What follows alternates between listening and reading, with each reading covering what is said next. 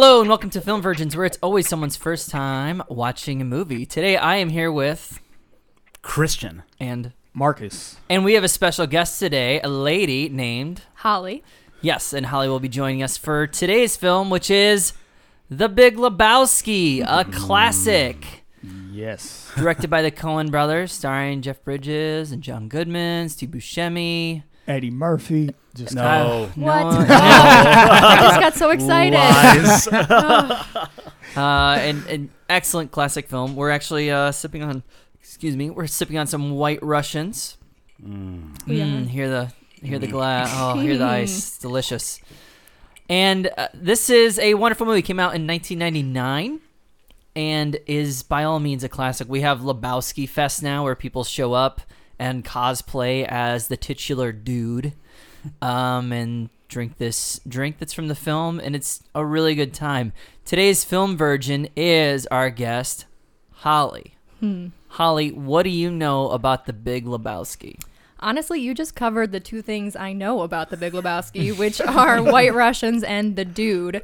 And I even sometimes quote, I'll hear the dude and be like, yeah, the dude. And people are like, Big Lebowski. And I'm like, no, I have no idea. I just know that it's associated with the Big Lebowski. so Yeah. I'm just trying to fit in. So finally, I can fit in. No, I've heard you absolutely. drop some good quotes before. Oh, I. I did. No, I heard you. I'm like, how do you know that quote if you haven't seen the movie? Because it's everyone quotes it. I think That's that's, so great. just the key to this movie. It's That's so, so great. iconic and yeah. Hmm.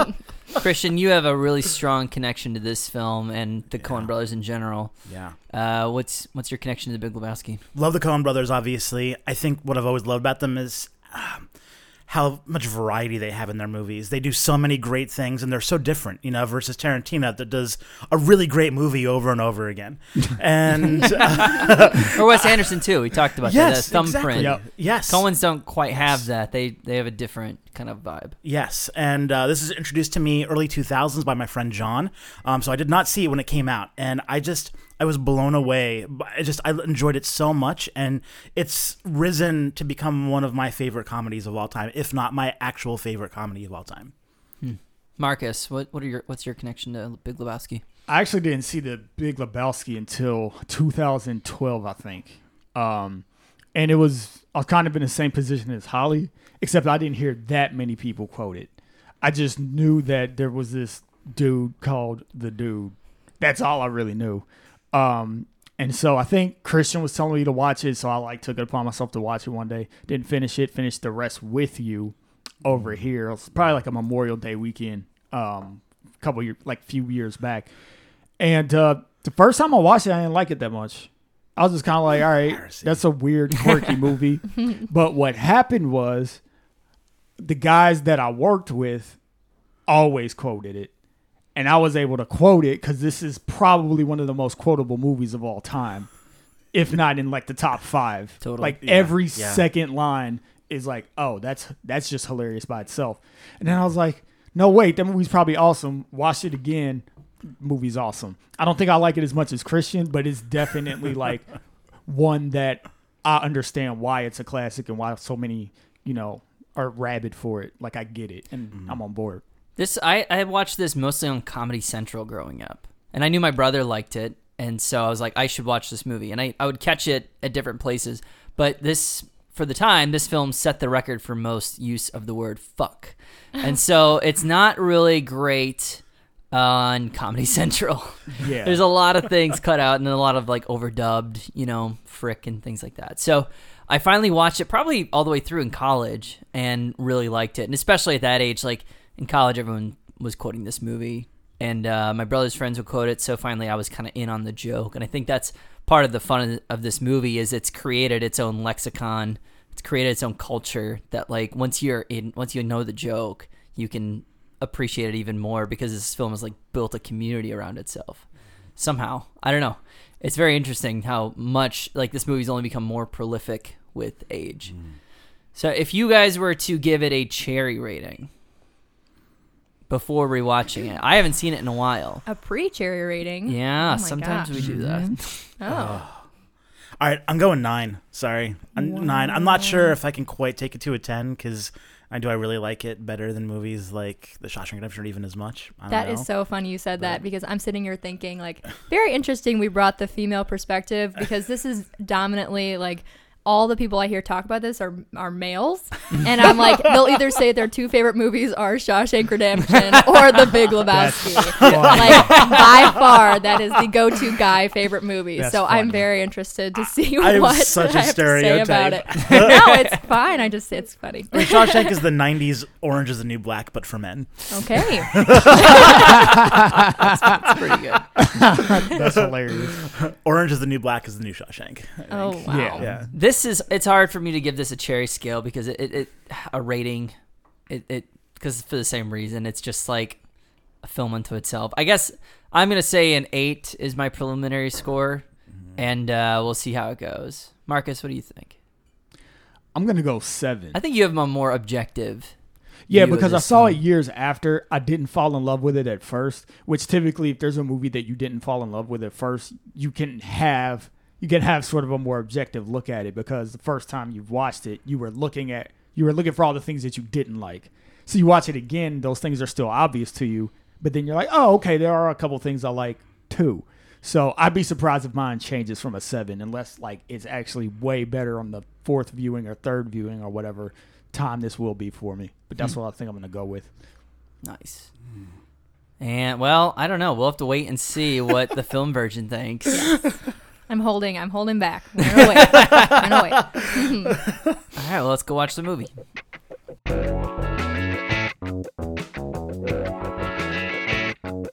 And we are back. We just watched The Big Lebowski, 1998's Big Lebowski. Got that corrected. Uh, starring Jeff Bridges, John Goodman, Julianne Moore, Steve Buscemi, John Turturro, with Philip Seymour Hoffman, Tara Reid. Who else am I forgetting? There's a lot of people that show Sam up. Elliott shows Sam Elliott. Karl Hungus. Oh, Did you say, um, Peter Stormare? Is that his name? I'm not sure. Peter Peter Stormare. One of the Which- professors from Harry Potter. yeah. Oh, that's who you're talking about. yes, Uh, Padfoot. I don't know his uh, name in real life. Ugh, he's an actor. he's Uh, an actor. It's had a budget of 15 million. It had a box office of 46. It was actually kind of regarded as a bit of a flop. Um, did not quite the, meet the expectations, but has clearly became very much a cult classic and beloved by most. Christian, what is the plot of The Big Lebowski? Big Lebowski is about a ne'er do well uh, who enjoys marijuana and white Russians and bowling, who has his rug micturated upon by uh, a henchman uh, and seeks to get that rug replaced. Um, and it, it so the Big Lebowski is actually named for this apparently wealthy um, older fella who runs a charity, and um, he well blames this guy because his wife Bunny is apparently at fault. So the henchmen that came and, and peed on his rug were actually looking for this older Big Lebowski and uh, and his wife uh, and trying to uh, get her to pay the money. The actual titular character. Yes, the actual titular character, Yeah. the Big Lebowski, yes. not the dude. So I, I did a little reading, and um, this story was actually conco- uh, a mix of a lot of like Raymond Chandler work, who was a detective writer, who the Coen brothers were a lot, uh, who are really into, and then the characters are actually just based on real people out in LA who they met over the years, like producers and people in like kind of at least industry adjacent who they met when they were coming up. Some of these people are now like film professors and things like that, but there was a guy who like smoked a bunch of weed, was a part of the Seattle 7 of people who just like pontificated and drank white Russians. Like that's a real thing. who just lived in some shitbag apartment in LA and was just like a chill dude. And so, and there was uh, another guy who John Goodman's character is based on, Walter, and yeah, all so they kind of mixed um, their real life experiences with some detective caper books that they really liked, and they came up with something that I think is very very unique and fun and a great watch. But that's what I think because I've seen it a bunch of times. what does our film virgin think of The Big Lebowski after the first watch? There was a lot going on in that movie. um, I honestly, going in, I did not realize it was a cult classic. But the minute he had his first trip uh, after getting punched in the face on the rug, The, I like, was dream sequence. Yes, dream sequence. I was just like, okay, this is definitely a cult classic. This is great. Um, I mean, once he meets Julianne Moore for the first time and she's, you know, flying overhead with her paintbrushes, I'm just like, I I th- was going into this thinking it'd be like a Caddyshack or kind of like, which is, I guess, maybe it's not cult classic, it's just more of like an old comedy. Mm-hmm. Um, but this is far from that. It is very, it's good mix between them. Actually, I thought at one point kind of had like, kind of like Tommy Boy and the whole like old man, you know, wife sort of like, I thought they were scheming him. And then all of a sudden I was like, then there's a million other things going on and there's really no pinpoint on like what's actually happening in this movie. um, and then actually was interested to see what Christian would say about the end because that part is just like, we're not spoiling anything, but what is the end of this movie? You have all these storylines, and they never, none of them come to an actual head. It's pretty, yeah. That is my impression of the Big Lebowski. It's good. I'm not. I'm not shitting on the Big Lebowski. I'm just thinking about it, which is probably not the right thing to do. Well, the plot No, it is, is. complicated. is, Like it is a complicated plot, and it's uh, and then it's very episodically written. That was actually a deliberate choice, like in line with these detective novels. It, there is like a series of different set pieces that kind of happen, yeah. and a lot of different environments. Um, I don't know. What would you say to the complicatedness of the plot? Okay, so absolutely, hundred percent agree. It is really complicated, and uh, know, not really complicated, but there's a lot. there's a lot of moving parts, and there's a lot of interested parties. And I was totally fascinated to hear that it's based on Raymond Chandler, because at one point there's a scene where uh, a, a private detective um, has been following around the dude for you know most of the film, and there's a confrontation, and th- well, the private detective incorrectly thinks that the dude is also a private detective, and so and you realize that um, well he is not. The trajectory, like that arc, actually is very much like a private detective, where he's encountering these different parties that all have an interest in the situation and what's going on, and um, you know that's the the arc is actually pretty similar, even though the character is not explicitly a gumshoe. Mm-hmm. Yeah. So I, I thought that was fascinating, but I completely mm-hmm. agree, and it is worth you know each one of those storylines I think does wrap up to a certain degree, but you know it's not like the rug; it doesn't tie the whole movie together. Sure. so, uh, but it you know you see many resolutions throughout the movie, mm-hmm. and in that regard, it's not a traditional arc where it all comes to a head, and then there's the climax, and then it's over. Um, there's several mini climaxes. And I think that's what you just said. It makes it so unique that it's this guy should kind of be this, you know, private eye detective character, but instead they've replaced him with Jeff Bridges, who is just this dude who just seemed to wake up one morning and because of a, a, a name has been completely misconstrued for another person. And that actually, I think, is, I mean, it is the movie. It's the best part of the movie. Um, by far. And interestingly, I think it's his drug regimen that keeps his mind, I think, we'll call it lethargic and inflexible, uh, and prevents him from actually learning as much as he possibly can, I think. Yeah, the mix of weed and White Russian. Yes. And the Caucasian, uh, which, for the record, is basically a white Russian, except it has non dairy creamer instead of cream.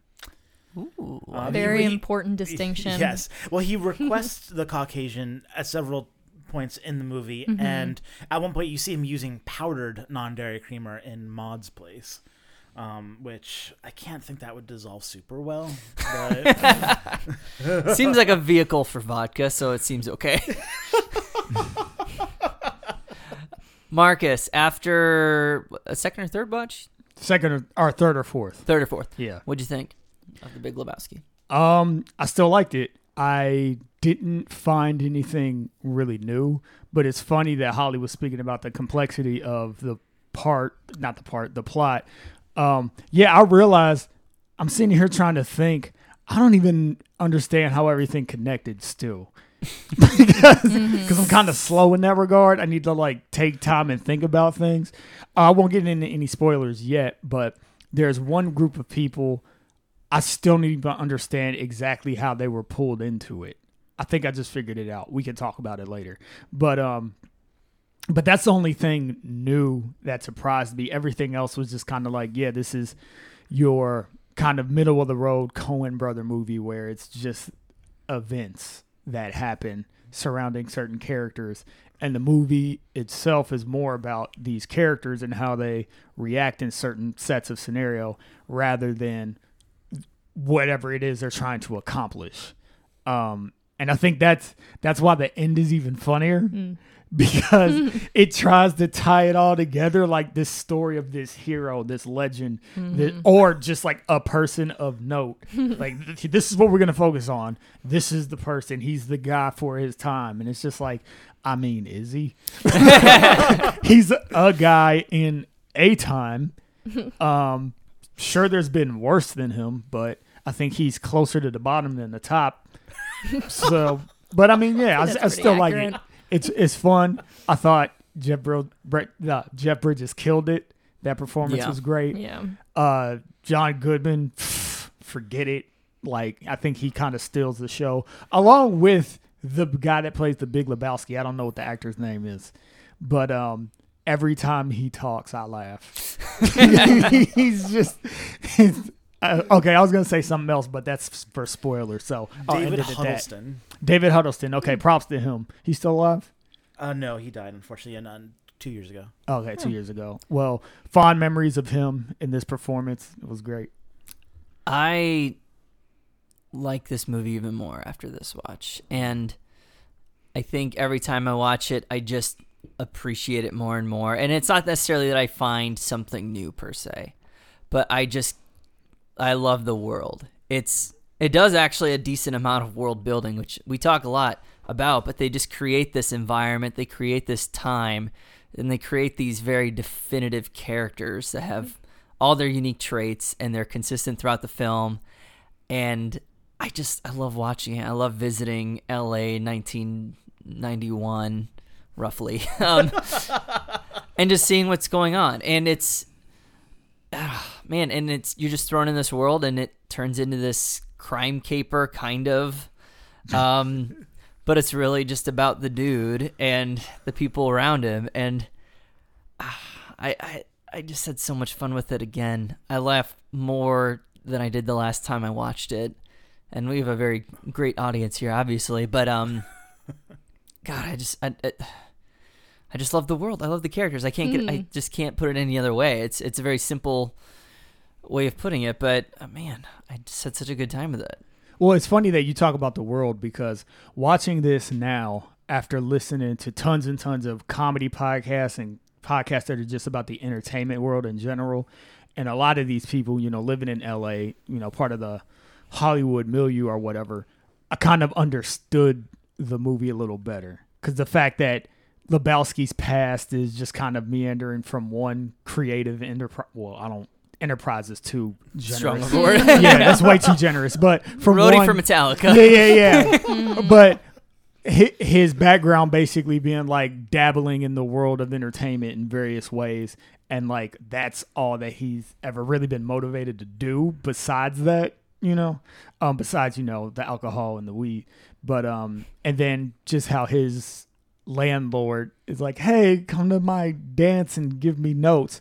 Like the first time, first or second time I watched this, I'm just kind of like, people do that. But after listening to all these podcasts, I'm like, oh yeah, that's the thing that people do out there. Mm. Like everybody's working on something, and, mm-hmm. and the question, like, what is it you do, has a completely different connotation than sitting here in the Midwest. Somebody comes up to you, it's like, "What do you do?" It's like, "Well, I'm a you know, or whatever. I'm a project manager at a uh, napkin place or whatever it is." Uh, I kind of A stole. thriving paper goods concern. yeah, yeah, yeah, yeah, yeah, yeah. I work at Dunder Mifflin. I'm a senior sales rep or whatever.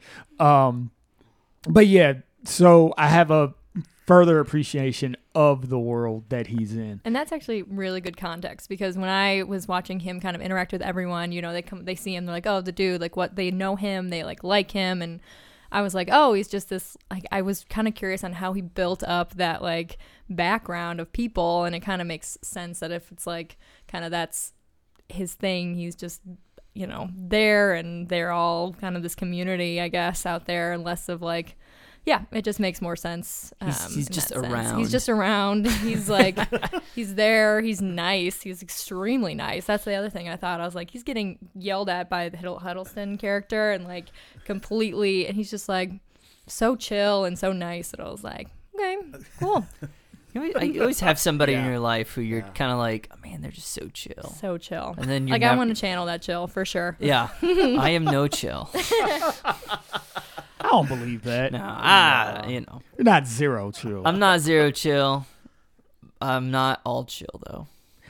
well, that's rare. I'm like five chill. That's rare. Five. And the dangerous thing about being all chill Yeah. is that you run the risk of being the dude yeah. and not doing 100%. anything that's actually of import. Your sense of urgency Yeah. is completely misplaced. Except for that one moment where he like suddenly you're like, oh my gosh, he's gonna like go in investigation mode. Totally get it. He goes and like he's in the porn producer's house and like sta- sta- There's something stencils. very clever. Yeah, very clever. Like Yeah. stencils out. Like what did he just write? And it's a friggin' penis. Like, like I thought that was so perfect. Like the minute the dude has this great idea, he stencils it out into a fucking penis. Like it was perfect. It, that is a highlight. I It agree was with so you. perfect. I agree. I mean, it's funny. Yeah, it's like his his greatest idea in the entire movie. amounts to nothing. The most asinine thing it could be. Yeah, it was, that was brilliant, brilliant, brilliant. I have watched this film essay that talks about how one of he, the the dude is one of the greatest cinematic heroes, and one of the things that makes him such a good hero is what makes a good hero is being content with yourself and being lack of need, like being completely self sufficient. And the dude is that. He doesn't need anything. He's good on his own. He's happy with where he's at. Shouldn't that be what we all want? I kind of, but not really. But um, I mean, one of the best one of the best quotes I think from the movie is, um, "They're gonna cut off my Johnson." Like, what do you need that for, dude? oh my goodness, so good. Do we want to get into spoiler territory? Yeah, yeah, yeah. Kind of. Spoilers. All right, cool. Uh, how does this movie end? Yeah, someone please tell me how this movie ends. So, so Well, Um, uh, before we get it, yeah, yeah. correct me if I'm wrong, but for the most part, the dude actually figures it out right in the beginning of the film. They're talking right when the events start to take place, and he suspects that this is all a ruse. He says, I mean, she didn't actually kidnap herself, No. but he's right about a lot of other things right in the first act of the film. but then he eventually like second guesses himself and doesn't believe it, and then he, you know we get deep in the rabbit hole. But for the most part, he kind of figures it out, which I think is funny, just on his own. both both he and Walter, uh, his companion, seem to be right about a lot of things um, intermittently, um, but they're not they're not wrong. They're just assholes. Yeah. They're just inept. Yeah, th- the details are all off, but the the broader view of the whole thing being like, look, there's there's reasons why it doesn't make sense for it to be what they're saying it is. There's better reasons for this to actually just be a big fat lie, and that's where they were correct. Um, and that was something that I thought was interesting about the dude's character because my remembrance of him is that he's kind of adult, but he's really not. He's really not dumb. Um, he's obs- he's selectively observant. I guess I want to say, Well, they freak a, a freaking thing that happens is that he hears something and uses and it. then uses it, but he uses it like slightly incorrectly. He can't quite use it properly. The quote or what you know. Yeah, the movie opens up with the line Bush is talking about, you know, the conflict that's happening over um, in the Gulf. And he's like, you know, we will not abide this aggression, blah, blah, blah. This will not stand. Yeah, yeah, this will not stand. Yeah, um, this will not stand this aggression. Yeah, that's what he says. But um, he uses it against the cop in, Mal- in Malibu when he's This like aggression like will not stand. Well, using man. as the Big Lebowski too. Yeah, like he right at the beginning, but he's always quoting. Like he's mm-hmm. always using the words or like almost. It, it's an incredible proportion of his dialogue is basically regurgitated from things that he's already heard. yeah, he says the, the the parlance of our time, Yep. which is something that Maude says to him. Yes. Right. Oh no, it's constant. It's constant. Yeah. It's like, are you familiar? Do you enjoy the physical act of love, sex, like coitus? And he's like, what? And and then like later on, she's like, so you do, do you enjoy sex? It's like, you mean coitus? but yeah, he's constantly quoting using words people have already used. Yeah. All right. So really quick, s- spoiler summary. Um, in the beginning, uh, like not too long after he after the dude visit visit the Big Lebowski, um, he encounters Bunny, and not long after that, she is missing and presumably kidnapped. Um, so there's a ransom note that's given to the Big Lebowski. Um, but basically, what happened is she ran off to Malibu or something like that, uh, or somewhere, and didn't tell anyone. And there were three parties that got wind of this and all had their own objectives. So one is the nihilists who wrote the ransom note. The other is Jackie Treehorn, and the third is Maude. And all three of those parties have interactions with the dude. Um, and you know, but we see those, um, and well, and then really the fourth, if you think about it, is the Big Lebowski, really. So, and they all have their own objectives, and they all want to manipulate the dude for their own, you know, and usually bribing him with money or with castration.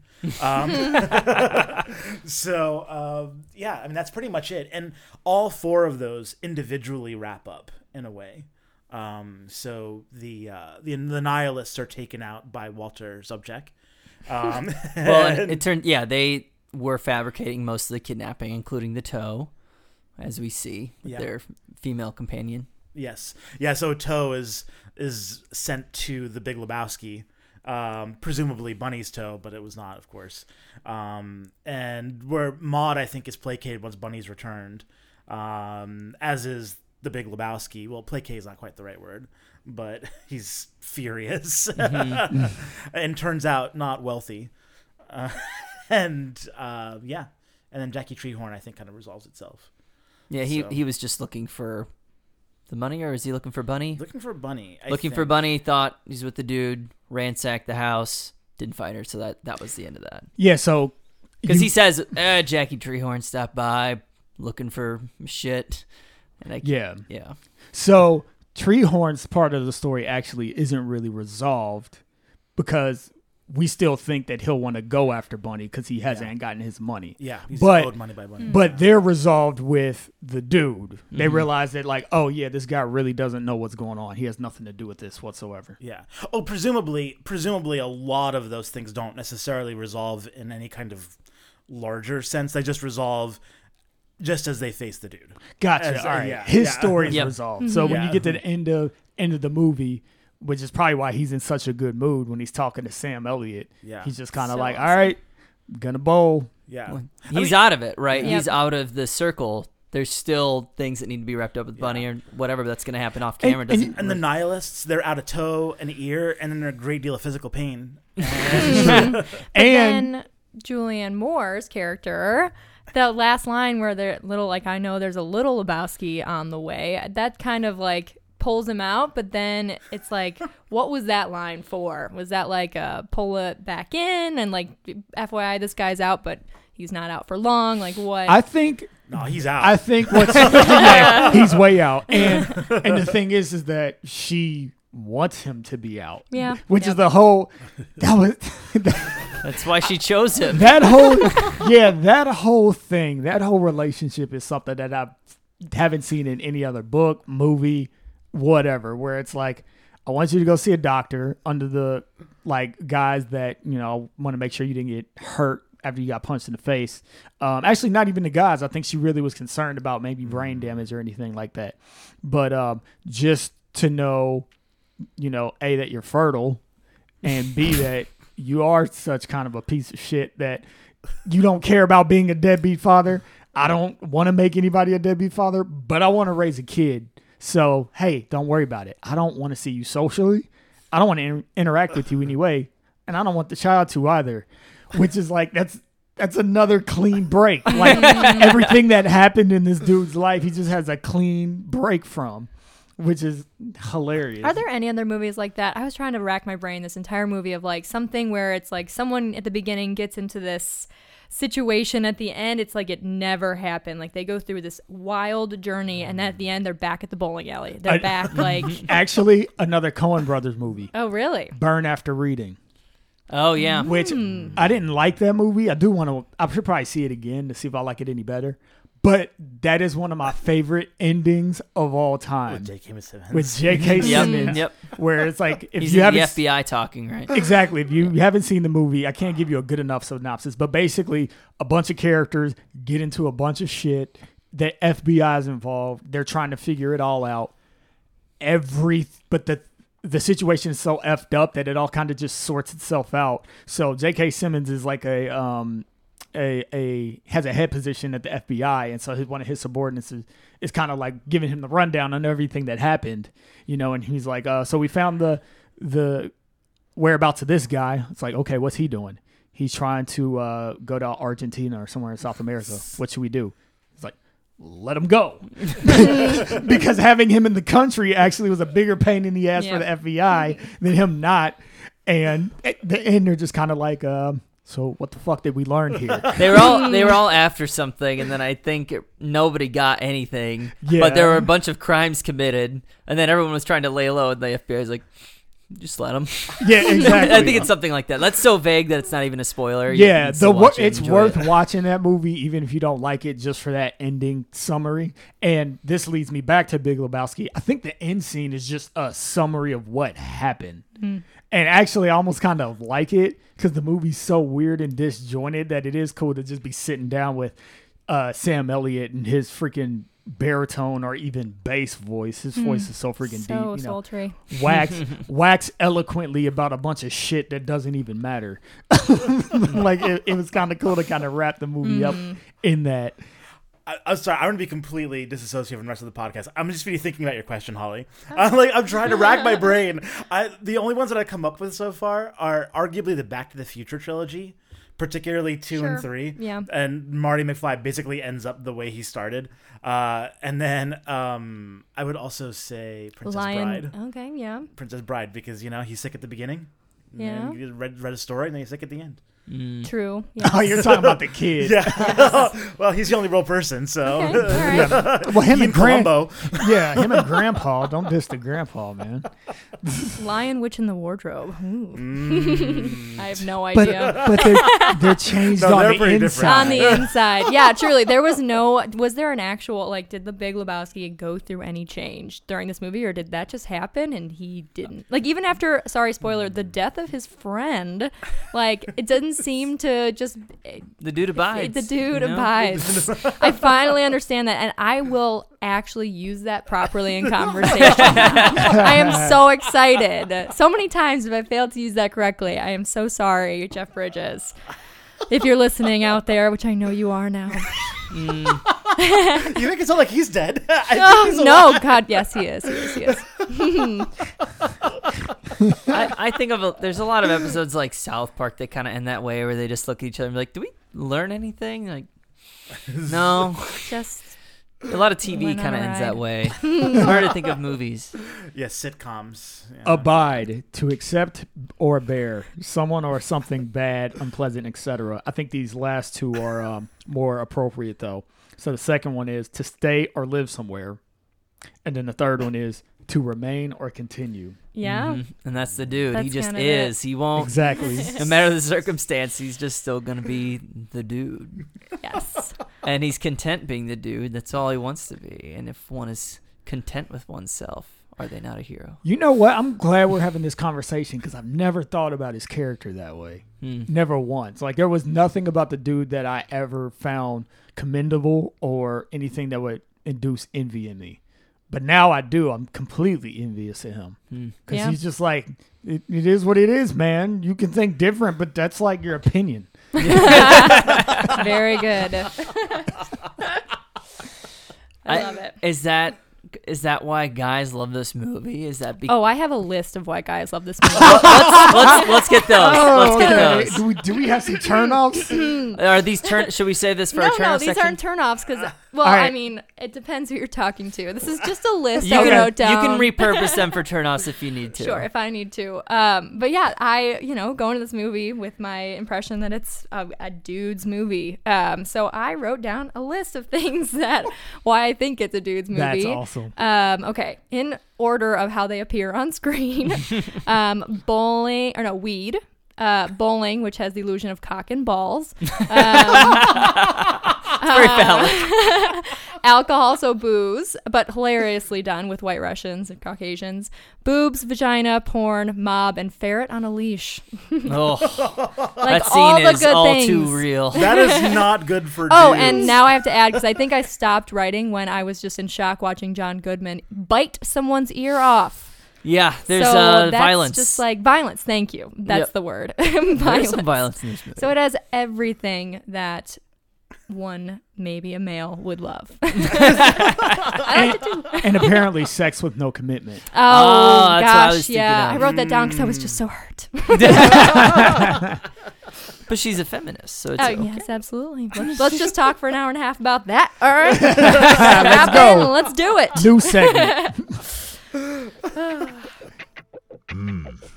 Turn-offs. Oh, All right. What are the turnoffs for the Big Lebowski? Turnoffs is a section where it's either things that didn't age well as a modern viewer in 20 whatever it is, 18 I guess for now, or it's uh, things we just didn't particularly like. well, I can start. Um, sorry. No, no, you're good. Um, I'll say overall, this movie does little to nothing wrong. It's pretty tight. Um, with the narrative that it establishes in the beginning, it just stays true to it the whole way. They casted everybody perfectly. Um, so I guess the only turnoffs I could think of are maybe things that we're a little more sensitive to nowadays. I wasn't offended by it, but um, but when the dude is explaining to Walter that it's like she just kidnapped herself, man, and he just proceeds to just like that bitch, that slut. People died over in Vietnam for this strumpet. Gantabout about about. Uh, he didn't say Gantabout. Yeah, there's- is that even a word? I don't, Gallivant is the word. I Oh, well, was he just thinking starts out like so quiet. That fucking bitch. of. yeah. and he and you think that's all he's gonna say, but he just keeps leaning into it. So it's like like mm, all right, that's that's a thing. That's a thing. I thought it was funny. Maybe other people wouldn't. Um, and the other one is just, and this, this is written into the movie, so it's not a criticism of the movie. It's just like, poor Donnie, man, poor Donnie. He seems like such a normal, just kind of got his shit together, straight laced Regular kind of guy. Find better friends, man. Yeah. Find more stable friends and find more reliable friends. Singular. Singular. The dude was always nice the to dude, Donnie. the dude is uh, was cool with Donnie. Yeah, Yeah. They really actually didn't even interact that much. No, no, he was always clearly like you see that when Walter is dismissive to Donnie, Yeah. that the dude cares and is concerned about that. You know, and he goes out of his way, make sure to get to the uh, In and Out Burger Yeah, when yeah, yeah. Donnie wants to go, and you know, Fair, fair. I'll And take it at back. it's just the- Walter. And at the end, I mean, the stress of the fight is what induces the heart attack. The dude was like, "Dude, we're getting out of this cheap. Just give him whatever money you yeah, have." I think it was Yeah. twenty two dollars they had between them. yeah, it's true. Walter refused. Yeah, that. Walter escalated everything. everything. Everything. Every single situation from the car to the biting the ear off. Did I mention the biting of the ear? Like just The so bowling- well, he crossed the line. Oh, the bowling. Oh my god. Yes, even from the very beginning when he pulls a gun on the guy whose toe crosses the line in the bowling alley. in a world That was amazing. That was. I actually. I, I know we're in turnoffs, but my biggest turn on was John Goodman. I absolutely Nice. like his character. He. Yeah. I mean, God, he did so well. It was. It was. Yeah. He great. was I can- hilarious. yeah. yeah. So, in light of uh, these new arguments. I'm gonna modify that turn off to uh, to John Goodman, and not even really a turn off because yeah, he was amazing. But it's like He didn't really don't escalate that final situation, though. I, I gotta object to that. The scene starts with the nihilist burning the Lebowski's car and threatening them with swords. He- He'd failed to de-escalate, it, right. but he did not escalate it. Yeah. At any rate, it would seem that it would seem like on the surface the lives of the dude and Donnie would be much better if they just bid their farewells to Walter. It's true. It's probably yeah, a little less violent. He's a he's a uh, really really great character played by a really great actor. right. Not such an awesome human being. Dude, the dude wrecks people's lives. He literally wrecks people's lives. literally. Like, stop thinking about it. Dude, mean- as in Christian, yeah. not Mm, yeah. the royal dude. Yeah, not the royal dude. Royal dude. Not the dude. Not the dude, just dude, royal as in Christian. the editorial. Yeah. yeah. Anyway, so that's me. Nice. Uh, probably in the same sense. Uh, I was not personally offended by these, but lots, uh, plenty of good racial slurs by Walter. No, Yeah. no, he was the Oh, one saying, oh, yeah, that is he- is not and- the preferred nomenclature." And then he uses it, Yeah, and then he uses it. and then he runs right uses around. it. so I both like, you know, it says, "Oh, hold on, now we can't be saying that." Uh, Chinaman is not A- the proper nomenclature. Asian American, and then like the next moment he's like, "Chinaman." oh he got man. shot. Eh, What did he say? Lost. Oh, never mind. That was uh, the Big Lebowski that said that. Lost his legs to a Chinaman in North Korea. So, I, something I like don't that. know, Something. but yeah, there's some. yeah. There's Some- that. There's the with the part with the end where he picks the guy up out of his wheelchair. Like very much a couple things that don't really hold up in this PC era. I thought that held up so well. I'm Oh, so glad God. that I laughed so hard. and he's sobbing on Oh. the floor. because he's a No, no, no. d bag and he deserved it, and it was an interesting thing to test. I have to say, when I first watched it, I was kind of curious myself. Well, that was debunked quickly. yes. It's just one of those where Walter starts talking about, wait a minute, and this guy's not even crippled. You just know, you know, you can see. you it. can see it that You he see it. is. I really was curious the first time, but I'm like, it's gonna be so much better if he's not. I think he genuinely is crippled. oh, that was oh, great. Are there any turn? This is a movie that I, I mean, some of those sensitivity things, sure, but I kind of noticed one thing. Go there ahead. wasn't really a lot of diversity. There was one African American, and he was driving a cab, and that was it. No, that's it. Mm, like, that's is there anything? was there were more there- Hispanic characters or not enough? We're Well, talking about Jesus, Los Angeles. they don't say what Oh, he is, yeah. but you get the but you get the he's- impression that yeah, he's Sure. supposed to be like Hispanic of some kind. Yeah.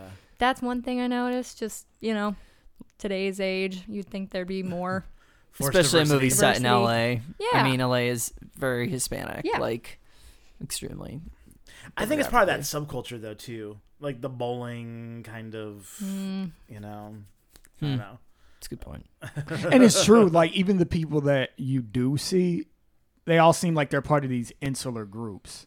So you have Yeah. the guy, the the porn. What is he? a Producer? Jackie Yeah, Treehorn. Jackie Treehorn. Yeah, publisher. Yeah, you have Treehorn. He's having his like, like we're in the industry party, you know, but that's like very specifically like I would be like an adult entertainment crowd, and um, adult entertainment kind of has its own segments anyway, as far as like ethnicity goes. And then you have um, Maude. She's in this whole performance art clique, so that's Mhm. weird. You got nihilist. I don't even know a nihilist. So that's, that's that's pretty insular in and of itself. At least they have their own ethos. right, exactly. They do not. Um, oh yeah, that my bad. Yeah. Same Yeah, with yeah, Joel, yeah. yeah, intense with nationalism. But you know, to be fair, any diversity really would be unflattering to whoever you include, because a lot of these characters were fairly pathetic, and I don't know. we lost the best one. Uh, yeah, yeah. yeah, truly. Like yeah. Poor Donnie. hey, there's the super, like his landlord. Oh yeah. Other than being a really not great dancer, Um, seems to be kind Yeah, of- nothing was wrong with him. He seems a okay. We don't know about his skeletons, but on the surface, he's fine. Yeah, Donnie. Man, you opened up a whole closet of possibilities Oh, there. I did. Yeah, I guess they're really. I mean, not too many turnoffs. Well, Christian, Wow. did did you state any of yours? I, you know, it's hard to really list turnoffs on a movie that I pre-rated as a nine. I don't know. I I love it. I love every scene. I don't know if I could like literally every scene has some value for me. I'm just like, this is so great. I love this scene, and then I'm like, this scene. I love this one too. I don't know. I can't. I can't think of any turnoffs. I thought it was perfectly executed. It's for what it was. It was flawlessly executed. Hmm. well, that takes us into recommendations. Mm-hmm. Our section called "Was It Good for You?" along with our famous cherry rating system. Was it good for you? Oh yeah. Hmm. Let's start with the film Virgin. Hmm. Was it good for you? Yes, yes, yes. It was very good for me. Thanks for asking. Um, This is so weird, dude. Having like a female, like, you know, All of our jokes seem really gross. yeah, yeah, it's all fun. I'm like, yeah, I'm all about it when it's just us. Now Holly's here. yeah, you I'm- guys, as your number one listener, you guys are very tame. You can lay it on, guys. I can hang. I'll shoot it down with feminism, but I can hang.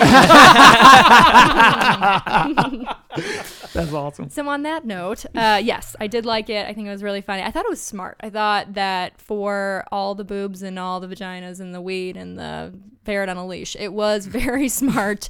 Um, and then the way the way they incorporated all of that, um, yeah, it just it worked really well. It had it was it flowed very well. It was never boring. Very interesting. I mean.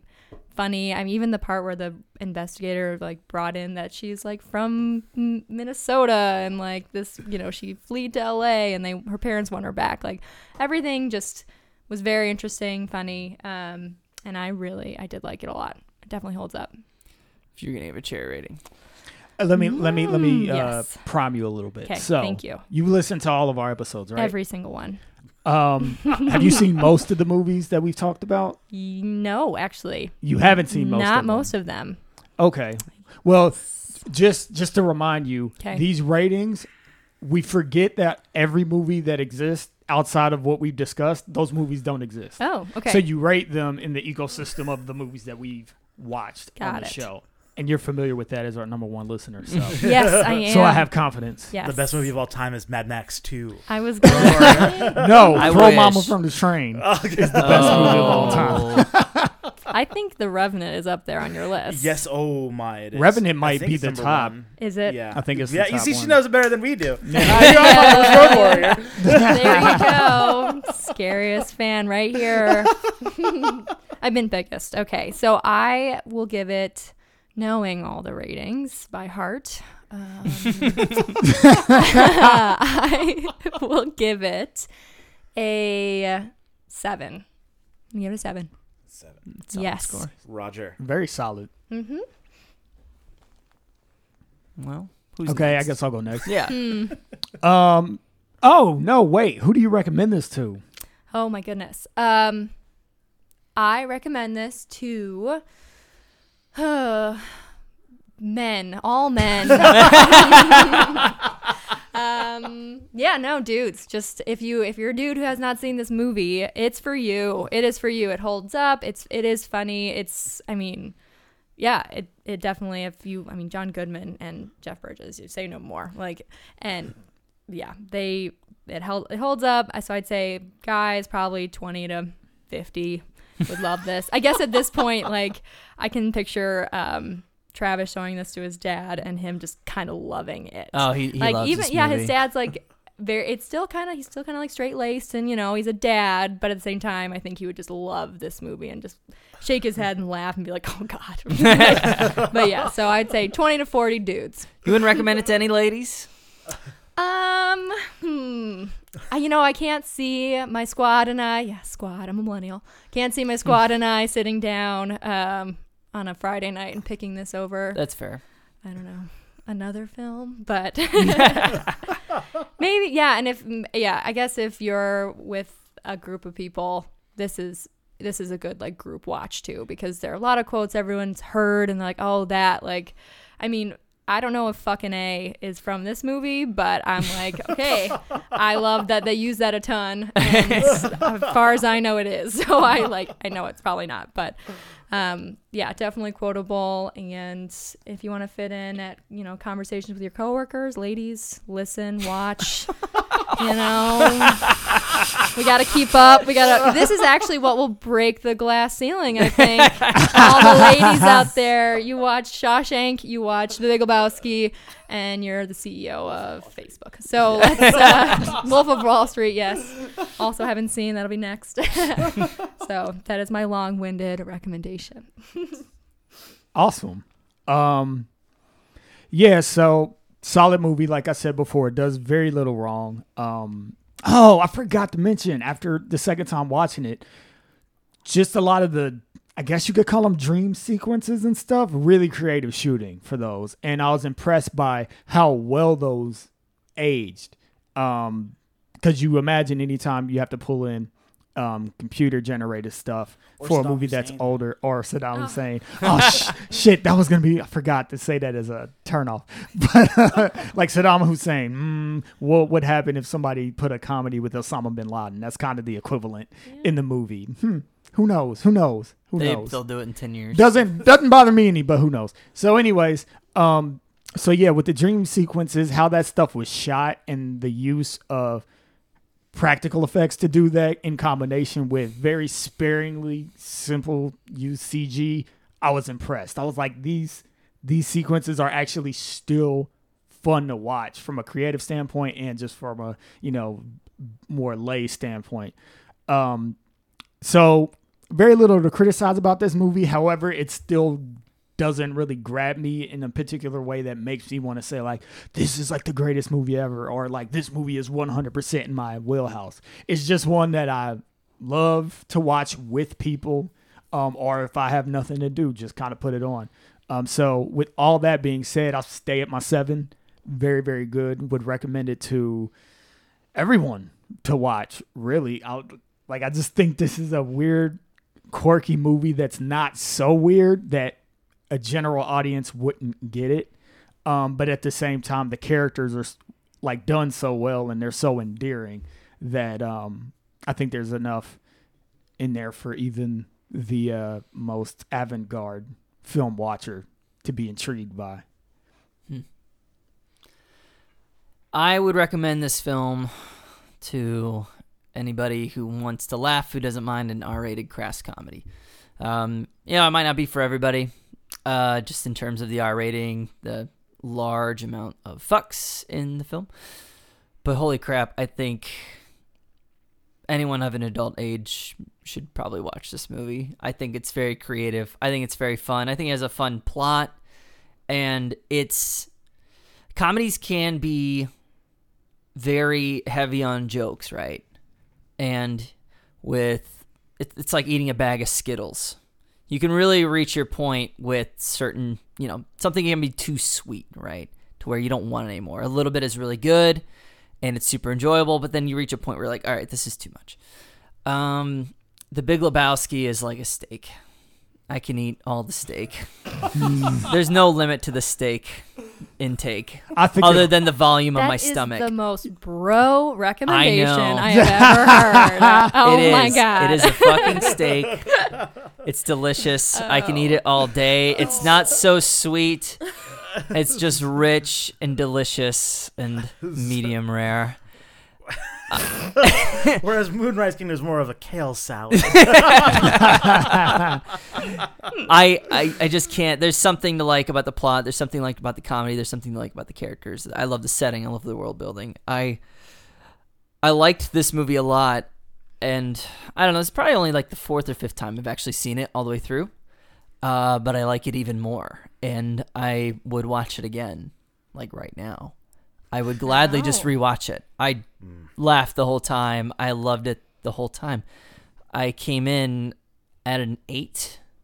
Um, I think to me this is kind of a perfect movie, and I'm giving it a ten. no. Whoa. This is my favorite movie that we've watched for the podcast. Wow. Oh, That nice. is the first 10. way. That's It the first 10. I just I had a smile on my face the entire movie. I, I, what you can't put a price on that. It's a ten. I, this is the best movie we watched. Wow. Wow. That's crazy. That's big. It is. I'm sorry. Not sorry. I didn't even give Whiplash a 10. Jeez. I like this movie so much more than Jeez. Whiplash. Like I, I, The That's Revenant. I really. I really like The Revenant. I think that's the other, maybe the other nine I've given or something. But, uh, I, rewatchability is a huge score in my book. My favorite Mm. movies are not the most dense films. They're movies like Back to the Future that I could watch on a loop. Mm. Um, and this is one of those movies I could watch on a loop. It's a ten. Man. All right. Good, Recco. All right. That's, that's a fact to follow. wow. I I love this movie unequivocally. I still maintain what I did at the beginning, which is that it is the best comedy of all time. I also think it's aged really well. I've always been suspicious of how comedies age, and I you know I'm trapped in my own mind. But man, for my money, I think it aged really well as a comedy, and uh, the characters are amazing. I recommend this movie to anyone who loves wordplay, who loves the mm. language, loves to hear what people can do with it. You know, it's not sophisticated wordplay by any means, but it definitely tickles that part of my brain. And the part of me that loves quoting things and regurgitating, you know, I've already. I've, how And many, how many quotes have I dropped on this podcast? Like eight so far in the last hour. I it's I can't stop. I feel hmm. bad, you know. I'm like copying, I'm plagiarizing someone else's great work. But Just like the dude. just like the dude. it's so true. And, you know, but it's really brilliant. And, you know, I was at a nine before. I don't know. I'm inspired by Travis. I'm inspired.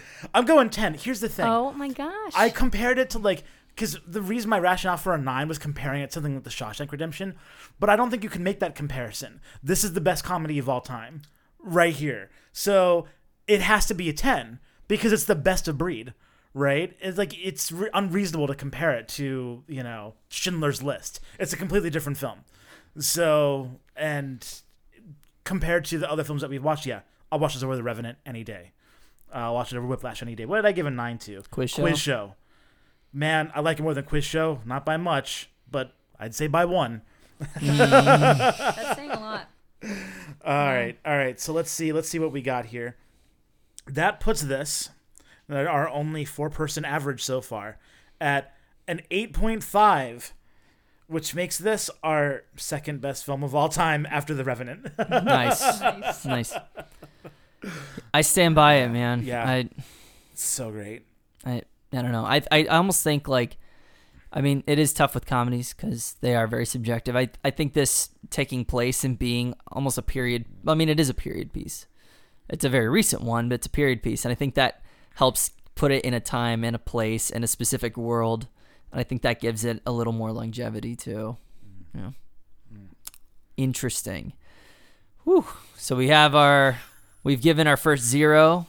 A couple We episodes. don't give zeros. One. A one. One. Sorry, we gave our first One. ones to throw mom off the train. Yep.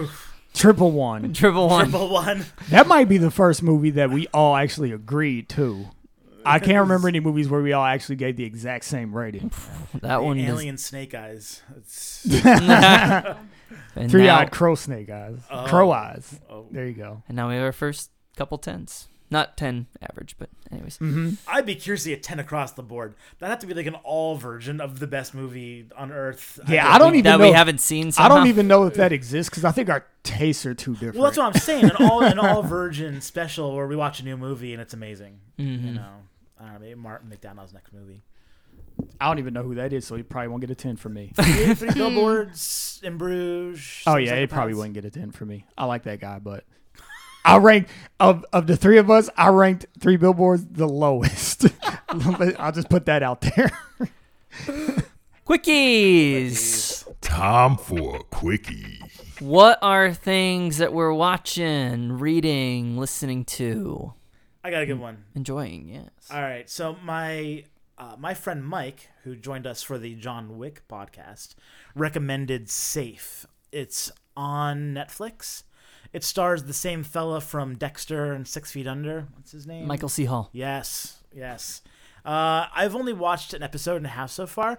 I have to say, I'm really liking it. It's it's great. Follows um, a dad who appears, you know, lost his wife and his daughter uh, is missing, and that's the plot. So it's um, you know, it's I think it's just a really it's a great it's kind of a thriller TV show so far. Like I said, only an episode and a half into it, so it has it has the ability to change on me, and maybe I'll uh, not recommend it in a week or two after I've watched more of it. but I'm really liking it. So um, and just a reminder, PSA: do not binge. Binging is bad. I actually tried to take that advice offline to like other people. Not a popular opinion. Not popular among We're all- people. yeah, we're all about our gratification Yes. in this country. Yes, yes. I think that people don't understand that the best things in life are even better when you use them in moderation. I, you know, I kind of disagree with Travis a little bit. I can't eat steak every night, and if you eat steak every night, eventually you'll get tired of it. But if you treat yourself to it once a week, twice a week, I think you love it more. Dude, try like twice a year. Oh my god. That's when I. That's how often I, believe it. eat steak. I so when I get you know like a porterhouse or filet mignon, when I take the lady out for a nice meal, it's like it's There been half a year. so melty and buttery. I really wish this was a video podcast so you could see that face. Truly. It was spectacular. That's it for Mike Wiki. nice. Do you have anything? Yeah, so um, this is a nerd alert one where my anime fans at. That's what I'm bringing to the table this time. So I believe it came out in like 2015. It's this anime called Parasyte. Um, really interesting story. I've been trying to um, watch what they know as seinen, what they call seinen manga or seinen anime over shonen anime. Shonen anime, for those of you who don't know, that's like your stuff that's aimed at you know eight to twelve year old boys.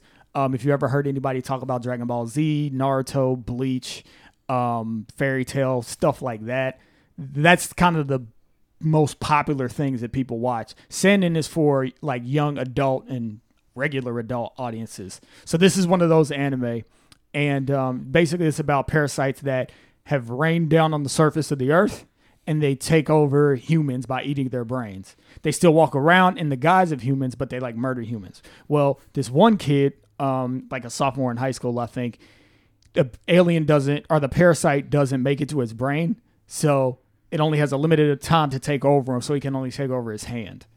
And so he wakes up and he realizes he has this parasite in his hand, and it's like it can shape shifts and, and it's like reading books on its own, like while he's asleep and learning all this information. So basically, the parasite tells him that, like, yeah, I failed. I was trying to take over you, but now I have to f- learn about the world and figure out how to keep us protected because all I care about is my life, but I'm attached to you, so I care about your life too.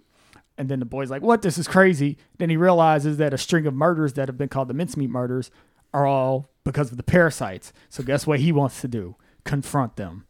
Um, so that's that's the setup. I'm only two episodes in, but the pace of the show is good. The mood's good. It's like equal parts dark and kind of funny and quirky at the same time. Um, so yeah, it takes takes me a while to find anime that I'm super excited about this quick. So What's that on? um, you can watch it on Hulu, I believe. Yep, it's a good one so far. It could suck like by episode five. I wouldn't know. I just know I watched two episodes and I'm like, I'm in it. All right, so we're in the same boat. We should follow up on both of these. Quick Yeah, yeah.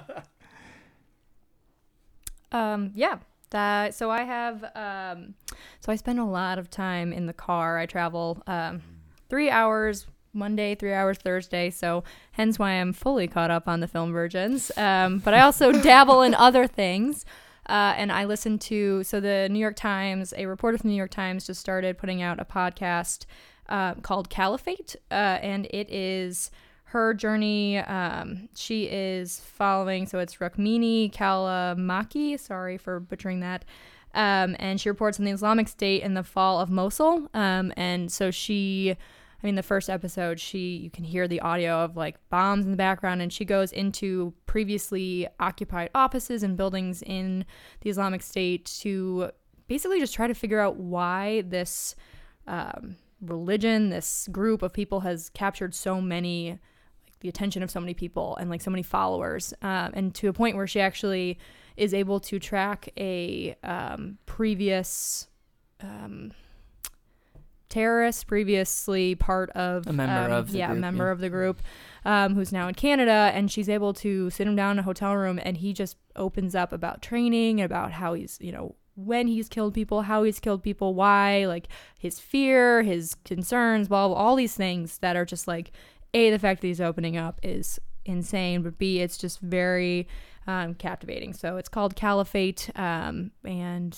I would highly recommend it. It's pretty, pretty interesting. Whoa, that's a It's pretty steak. intense. it's good. Let me counter your steak with some Skittles. I watched Han Solo. Oh my god. Yeah. Skittles is, is overselling it. I'm maybe. mu- yeah, I'm much more interested in that podcast than I am even talking about the movie I saw. Um, yeah, I watched uh, Solo. Um, it's a movie about Solo, and I uh, uh, I just don't care about Star Wars anymore. I was such a big fan of Star Wars growing up. I still love it. Like I still love the original trilogy, and every time I watch another Star Wars film since 1999, I just stop and ask myself, why do I even care? And I don't have an answer. Mm, I didn't. I wasn't gonna watch this. Um, I wasn't gonna watch this movie. Um, but a friend of mine had an extra ticket and said I didn't have to give Disney any money. I could just show up because the ticket was already bought and buy him a beer. So that's what I did. And ne- neither of us really enjoyed it. Uh, the the guy who plays Han Solo, Alden Ehrenreich, who's in uh, Hail Caesar, Coen Brothers movie Connection, uh, he's fine. Who was he in Hail Caesar? He plays. He's got that scene where he's the actor, the Western actor who mm, has to yes, say the. yes, uh, yes. Oh, He's great Wow. in that. Yeah, scene. he murdered. Oh, that. he's he murdered it. And he's he's not like he's not doing a Harrison Ford impression. He's trying to capture the essence of the character, and I think he. I honestly, I think he does as good as anyone could. I, I don't know if it's a winnable role for anybody. Um, we just have too many preconceived notions of who that character is to replace them is is very difficult. Uh, but it's a smaller movie, which I appreciate, even though it's the most expensive film ever produced, any Star Wars film ever produced, because of all the reshoots. Uh, it's it is plot wise a smaller movie, which I'm glad they did. Uh, but it's just very predictable. There's no surprises. Um, what I thought was going to happen happened, and so it just doesn't make for that entertaining of a movie. And even though it's not bad, uh, predict- predictable and boring is is maybe the worst a movie can be. Um, I'd rather watch a real, really bad movie than a predictable movie. So Jeez. I know. Stole the light right out of your right out of your eyes. I know. You were just like Lebowski high, and now look at you. now I'm You're just like thinking about Star Han Wars. Solo. I don't know. That's You're just- not excited for the next Boba Fett preview or prequel, Solo. Oh, sequel, who- nobody knows. Yeah, no one knows if it's gonna be like a prequel, sequel. spin-off. Uh, yeah. Um, they better open it with him escaping the Sarlacc pit. that's probably what I would want to see too. And Just Then, then I you can can just do walk anything. out. Then I just walk out. I was like, all right, that's all. Well, good. the problem with these movies is they keep doing this. We know where the story's going to go, and we're telling a prequel story every time. Rogue One, same story. Um, we kind of know what's going to happen, right? Like they're gonna get the Not Death all Star. of us know. Well, not to the characters, but Some we of us are left sobbing in the theater as we watch them get blown up. Not I just for a friend. I saw a friend doing it. It was like sad watching her cry her eyes out. Was was I- she sad also because they're murdering a great franchise? oh, hey yo. Oh man, no, that movie she was, was just sad. liked by most people. Most people like Rogue One. Um, so good. Just no, because we're bereaved doesn't make us sad. Good, very good. yeah, I don't like. They just keep doing telling these stories where we already know the ending. They, Rogue One, we know that they're gonna get the Death Star plans. Han Solo, we know he, he ends up at Tatooine at some point. We've seen him die already. Um, Well, I, I have a critique against that. I'll make this quick. I'll try at least. Um, I don't. A lot of people say criticize movies that they know what the ending is, um, and I say any great form of of storytelling, whatever media it is, book, movie, what have you, doesn't matter. It doesn't matter if you know every step of the way. I know what happens in Game of Thrones. I know I knew not everything about the show, but because I read all the books and then they kind of split. But the show is still good. Even when there was a moment that was coming when I was like, this is how this is going to end, the show was so goddamn good that I'm still like, that was an amazing episode, which is, and it's the same thing that we do with anything. You guys gave Big Lebowski a 10. You knew what the fuck was going to happen. Hmm. Christian, you probably know the whole script by heart but it's still so such a good of a thing in your eyes and to the general public even though i didn't give it a 10 goddamn it holds up it's a tight movie so i just want to throw that out there Yeah, okay, so it's not about the destination, it's about the journey. Right. And new Star Wars is like an overcrowded bus with broken AC and a putrid smell. right So visual. which which is which is so bad which is so bad even if you were going on vacation at the end of that bus ride the vacation might be worse because the bus ride was so bad but if the bus ride's good it might make vacation even better Fair enough. One of my favorite shows is Better Call Saul. Better Call Saul, we already know the ending. If you've seen Breaking Bad, you and, Exactly. and they even allude to the kind of you know where the story's going, right? So there's a way to do it. I do think there is a higher level of difficulty when you have to tell a story that way, and that's what makes these stories tough to watch. Is um, if they're not really good, they don't quite pass muster. I think that's that's more to the And I think that's the problem. They're making like in you know, they're not taking every Breaking Bad character and making a show about them. And it seems like Star Wars, they're not taking a breath and they're making just churning out movies after movie and it's like not giving us a chance to like step back and breathe and like assess, not giving them a chance to make a quality movie. I just need to just pump the brakes maybe for a minute and focus on I don't know, developing the story. Yeah, and- figuring out where it's gonna go, It's like, not a- instead of just rehashing things we've already seen, which Yeah. what they continue. At this That's a point, it's not point. about the art or the story. It's about the product and the franchise. Mm-hmm. And Yep. when you lead with that, that's when you just get stuff that's not good. Unless you're Marvel and somehow you just make better and better movies for the most part. It seems like they actually care about. They definitely care about the franchise and the product, but they seem like they care about the art and the story too. Mm-hmm. Which I don't know. Like I kind of quit on Star Wars, so I can't really comment on the latest two movies that have come out. But to me, it seems like even people that like the Star Wars stuff, they don't seem nearly as excited as the Marvel stuff that they like. Like, you know, when Infinity War, Black Panther came out, Thor came out, fucking greatest shit ever. Oh, Wonder Woman. yeah. different, Yeah. Different And Different? Wait, what? DC. Yeah, DC. Damn yeah. it. Um, it's a ruse. I'm out of my element. Damn it. Fuck up. Fuck up, Donnie. Oh, Too sorry, foul. I won't be coming back. It's been really nice. Thank you for having me. No, we love you. We love you.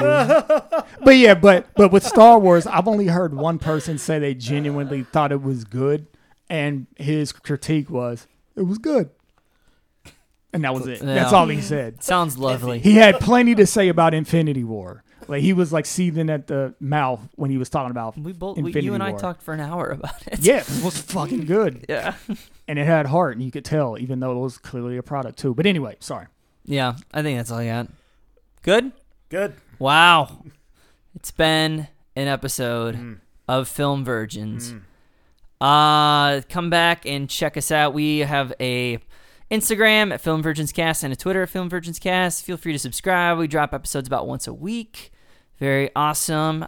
I have been Travis. I've been Christian. I've been Holly. And I've been Marcus. Come back next time for more sexy movie talk.